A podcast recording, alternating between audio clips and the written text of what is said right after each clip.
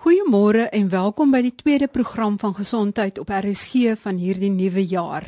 In hierdie program kyk ek ook vir oulaas terug op 2015 en een van die gesprekke wat my bybly van 2015 is die wat ek gevoer het met professor James Loog, hoof van oorneus en keelkunde aan die Universiteit van Stellenbosch en die Tygerberg Hospitaal en ons het gesels oor gehoorverlies by jonger mense, babas en by ouer mense. Ek bring nou vir julle uittreksels uit hierdie program. Dit was desyds 'n reeks van 2. Julle is natuurlik welkom om na die volledige programme te gaan luister op Potgooi en dit is uitgesaai op 29 April 2015 en 6 Mei 2015. Gaan luister gerus na die volledige programme. Maar hier gesels ek nou met professor James Loog. Professor Loog, hoe hoor 'n mens? Die prinsip van gehoor is dat ons weet mos dat klank bestaan uit golwe, klankgolwe wat deur die lug dan kom en hulle kom in die oorkanaal in en veroorsaak dat die oordrom beweeg. En as die oordrom beweeg, veroorsaak hy dan dat die gehoorbeentjie ketting beweeg. Want die eerste deel van die eerste gehoorbeentjie is gebeure in die oordrom self. En dan staan die drie gehoorbeentjies, die een laat die volgende beweeg en die en die volgende weer die laaste. En die laaste gehoorbeentjie is die stiebeeltjie, want hy lyk soos 'n stiebeel en hy sit in 'n wat ons noem die ovale venster. So sy voetplaatjie sit in die ovaal venster wat dan in verhouding is tot die gehoorslakkie. Net diep tot hierdie stiebeeltjie se voetplaatjie is daar dan die vog van die gehoorslakkie. En dit veroorsaak dan dat daar golwe is wat in die vog van die gehoorslakkie opbeweeg tot op sy punt, tot op sy apex. En in hierdie gehoorslakkie, in die kanaal van die gehoorslakkie is daar 'n membraan, die basilaire, sogenaamde basilaire membraan, waarop daar 20000 fyn haarselletjies lê. En soos die klankgolf opbeweeg, stimuleer hy dan hierdie fyn haarselletjies deur middel van die beweging. Hierdie haarselletjies is verskriklik prikkelbaar So met die beweging, die meganiese beweging van die klank veroorsaak dan dat hulle klein elektriese impulse genereer. En hulle stimuleer dan die gehoorsenuwee wat in die middel van die gehoorslakkie is. Hy in die die middel van die gehoorslakkie is 'n spiraal, so dit word genoem die spirale ganglion waar die selletjies van die gehoorsenuwee is en dit veroorsaak dan dat uh, hierdie stimulus, hierdie elektriese impuls dan opgaan met hierdie senuwee na die brein toe en dan hoor ons in ons brein in ons kop. So ons hoor eintlik met ons brein deur middel van die hierdie ingewikkelde stelsel van die gehoorbaan. Wat kan verkeerd gaan in hierdie lang string van gebeurtenisse vanaf die golwe jou oordrom tref tot dit jou brein registreer dat dit iets is wat jy hoor?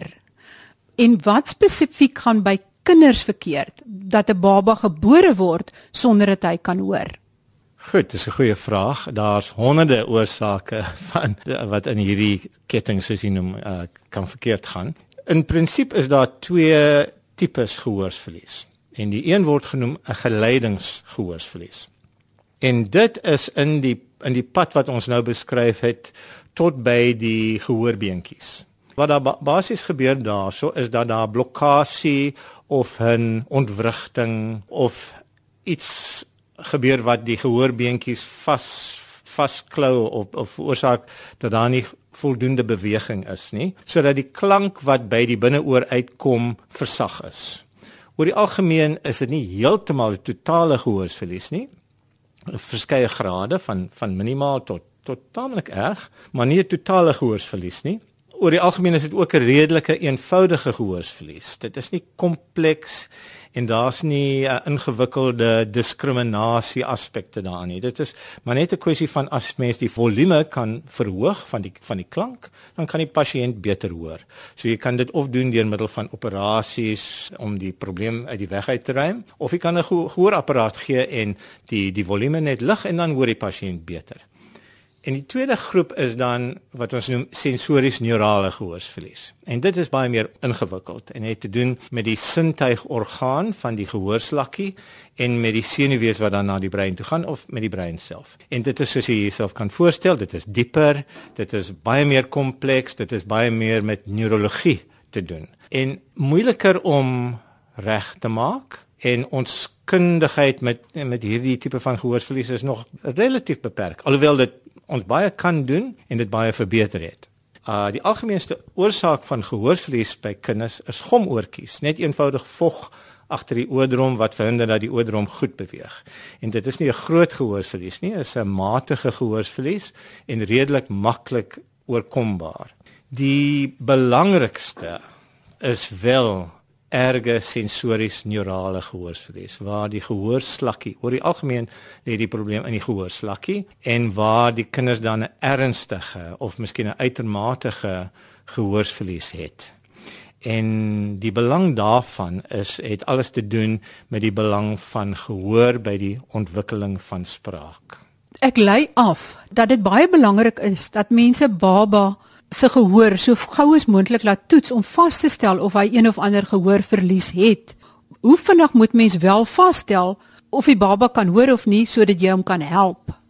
Kyk, as mense klein gehoorsverlies het, soos gomoortjies ensovoorts, dan is dit nie so krities nie en mense kan wag en sien of dit die die toestand nie self herstel nie. Maar is heeltemal korrek. Die rare gevalle maar nie so raar nie, miskien 1 in 1000 of 2 in 1000 babas in die eerste jaar van hulle lewe ly aan erge of uitermate sensories neurale gehoorsverlies. En dit is 'n krisis want want hierdie kinders, hulle is beroof van 'n sintuig, van die van die sintuig van gehoor.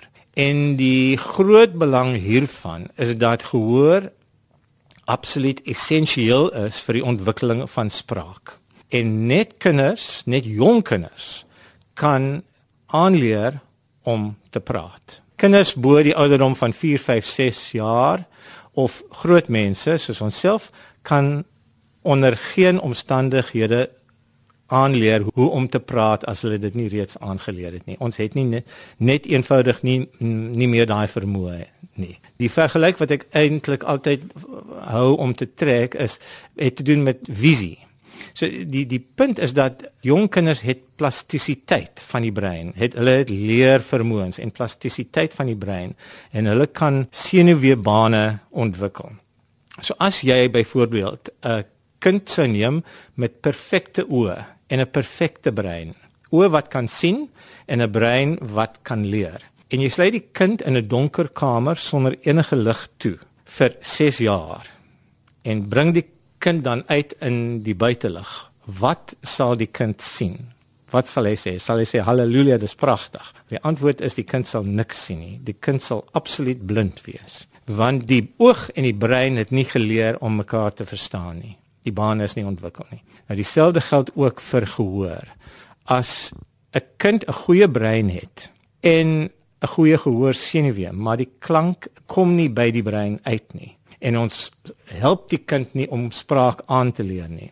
As jy dan wag tot die kind 3, 4, 5, 6 jaar oud is, dan sal daai kind nooit kan aanleer hoe om te praat nie. Definitief nie goed aanleer om te praat nie. So ons is nou baie bewus daarvan dat ons so vroeg moontlik moet optree om in sulke gevalle waar die kind nie natuurlik hoor en natuurlik dan spraak kan aanleer sommer net om deur sy ma ma te luister en en na en na die wêreld te luister nie moet ons sorg dat ons daai brein stimuleer met spraak. Dit kan gedoen word met uh gehoorapparate om die klank te versterk en met intensiewe terapie soos professor Karl de Tooy soos hy genoem het, dekades voor kokleaire implanting alreeds gesê het mens kan doen. Jy kan 'n dowe kind leer om te praat, maar intensiewe behandeling.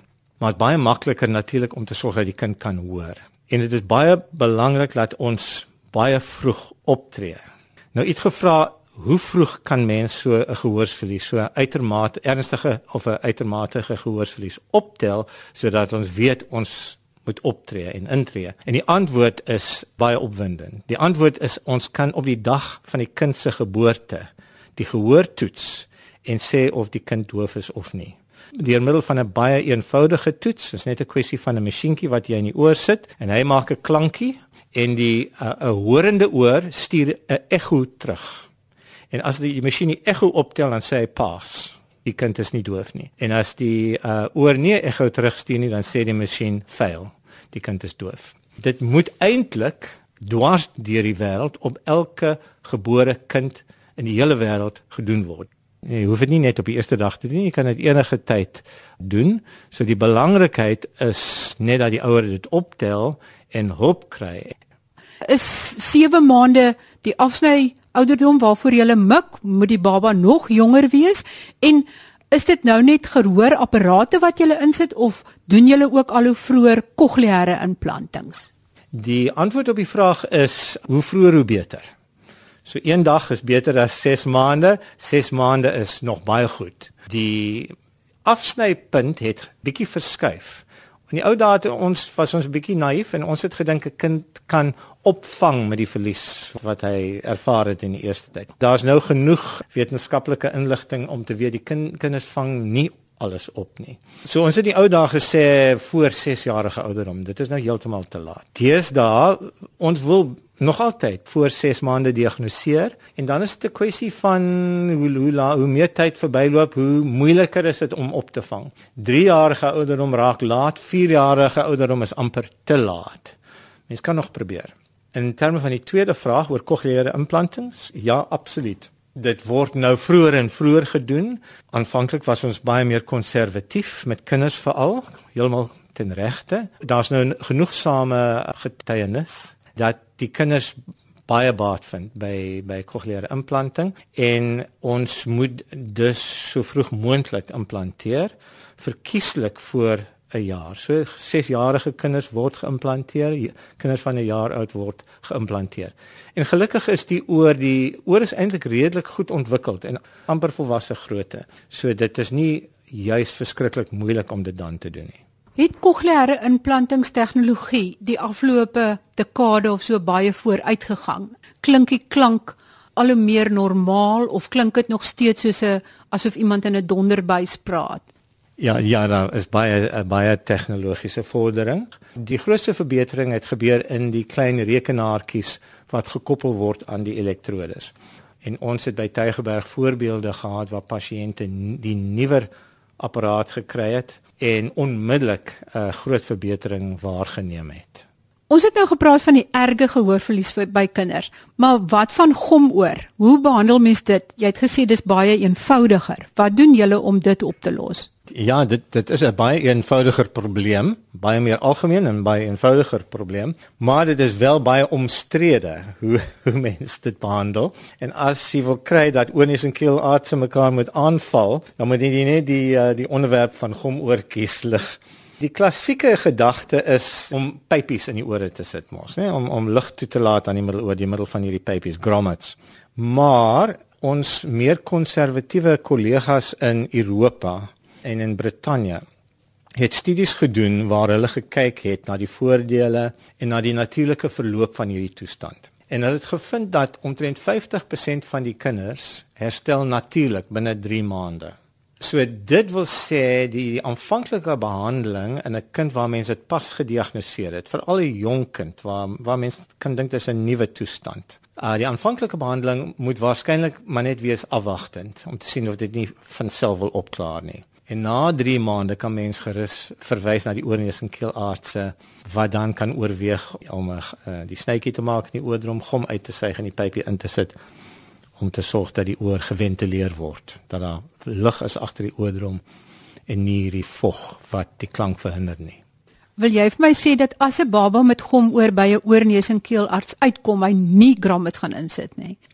Dit is nie altyd net die oorneus en keelarts wat die blaam moet kry nie, want partykeer word daar druk uitgeoefen van die ma of van die pediater wat uh, aandring uh, dat die weet dat die kind nou, nou baie ongemak het of probleme het. Maar die punt is in die eerste in die eerste geval is die gehoorverlies nie gewoonlik so erg nie. So die kind kan nog hoor, kan nog oor die weg kom en kan nog spraak ontwikkel alhoewel hy miskien nie die klanke heeltemal so duidelik hoor as wat hy moet nie.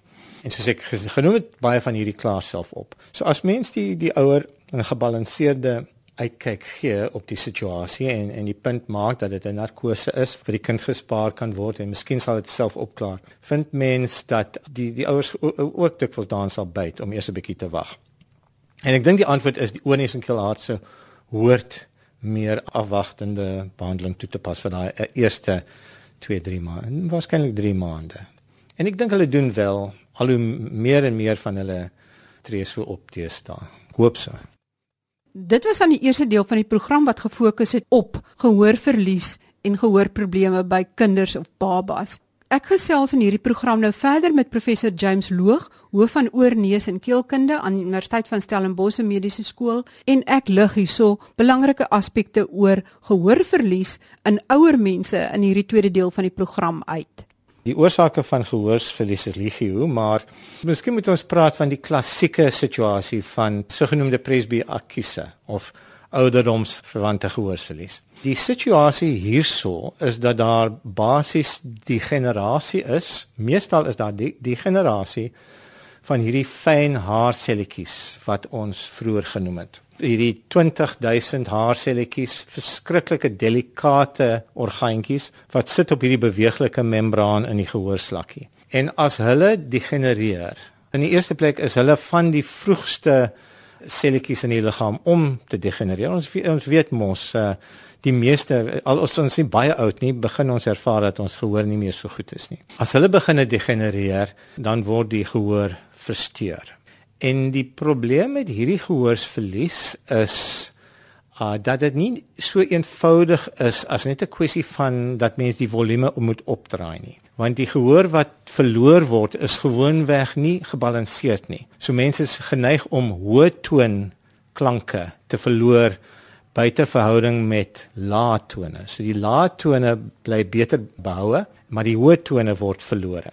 So dit is nie net 'n plat afname gehoorverlies nie, maar 'n dalende gehoorverlies met die hoë tone wat verloor word. En die tweede eh, groot probleem is dat ons verloor ook die vermoë om te diskrimineer tussen klanke. So baie keer kan jy 'n klank hoor, maar jy kan net nie uitmaak wat dit is nie. En dit is waarom die meeste van ons oumas en oupas al vir ons gesê het, jy weet die die, die mense op die televisie, hulle praat so onduidelik.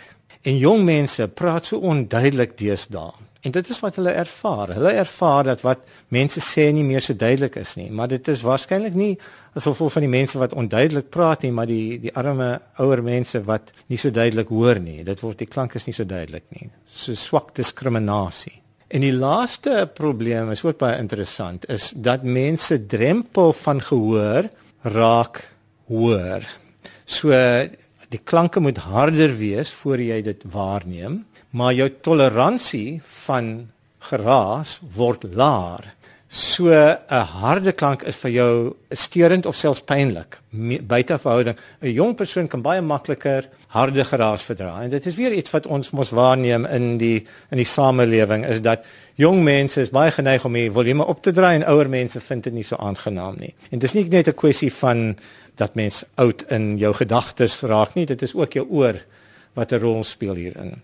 En dit is ook klassiek waarom die wat gebeur in 'n situasie tussen 'n jong mens en 'n ouer mens, 'n jong jong persoon praat met die met die met die ouma en en sê dan iets vir die ouma en die ouma, sê praat harder. Julle jong mense mompel en praat so onduidelik teens dan dan lig die die jong kind die die stem en praat harder en die volgende aanmerking wat kom van die ouma is moenie skree nie, ek is nie doof nie. So mense toleransie. So so die die probleem met hierdie sensories neurale gehoorsverlies is kompleks. En wat ons doen daaraan moet moet dit in gedagte hou. Hoe help mense hierdie ouer mense om dan weer mooi te hoor of beter te hoor? Die eenvoudige an antwoord is gewoonlik gehoorapparate. En die goeie nuus en 'n belangrike boodskap vir ons luisteraars is dat die ou dae van gehoorapparate wat baie swak gehoor gelewer het en groot was en lomp was en en lomp klank oorgedra het aan die persoon. Daar was ongelooflike verbetering in tegnologie deesdae. So gehoorapparate deesdae het, het baie slimmer geword. Hulle is soos klein rekenaars wat in die eerste plek 'n baie meer gebalanseerde volume verandering gee. So hulle kan hoë tone lig en nie soveel die lae tone lig nie. Hulle kan ook 'n situasie lees. Want baie ouer mense as die wat gehoorsprobleme het en gehoorapparate dra sal sê 'n ideale luisteromgewing waar jy nou sit een op een met iemand in 'n in 'n mooi stil kamer en gesels het hulle nie 'n probleem nie maar tussen baie mense of ingeraas sukkel hulle veel meer En uh gehoorapparate die hulle reputasie was dat hulle net hulle, hulle eweredig al die klanke versterk sodat die geraas ook harder word, nie net wat jy wil hoor nie. En hierdie nuwe gehoorapparate kan hulle self nou aanpas by hierdie situasie. En kan fokus op wat mens wil hoor en die omgewing uh sagter maak. Ongelukkig is die tegnologie duur. In in 'n mate is dit 'n kwessie van jy kry waarvoor jy betaal, maar jy kan nog altyd 'n uh, 'n redelike goeie apparaat kry sonder om die duurste apparaat om om, om die geld vir die duurste apparaat te koop. Kan jy nog 'n redelike tegnologie bekostig? Een van die belangrike faktore wat ons miskien moet noem, is dat ouer mense wat gehoorprobleme het en wat moet besluit of hulle gehoorapparaat moet kry of nie en watter gehoorapparaat moet by die regte persoon uitkom. En die regte persoon is 'n opgeleide audioloog. Meestal 'n dame, hulle is baie kundig, hulle is baie slim mense en hulle is absoluut passievol oor hulle beroep. En hulle moet nie net 'n gehoorapparaat pas nie, maar hulle kan 'n leenapparaat gee wat mens kan probeer en teruggee as jy nie daarvan as jy nie vind dat dit met die akkordeer nie en hulle kan ook die gehoorapparate verifieer om te sorg dat dit vir jou die optimale gehoor gee wat hulle dink dit moet voorsien. En 'n audioloog sal ook help met hierdie ander triks wat mens kan gebruik. Want luister nie is nie net 'n kwessie van hoor nie, is ook 'n kwessie van luister. Dan wil ek hoor, is gehoorapparate en al hierdie ander triks Is dit al wat gedoen kan word vir volwassenes met gehoorverlies? Daar word uh, al hoe meer 'n verskeidenheid van opsies uh, aangebied wat die dokter en die pasiënt en die audioloog kan gebruik. Dit is 'n kompleks om in, om na hulle almal te kyk, maar miskien moet ons net kyk na kokleaire implantings. Die verbetering in kokleaire implantingstegnologie het veroorsaak dat ons al hoe meer sien dat ons nie net hoef te wag tot iemand absoluut stokdoof is voor ons vir hulle oorweeg om te implanteer nie.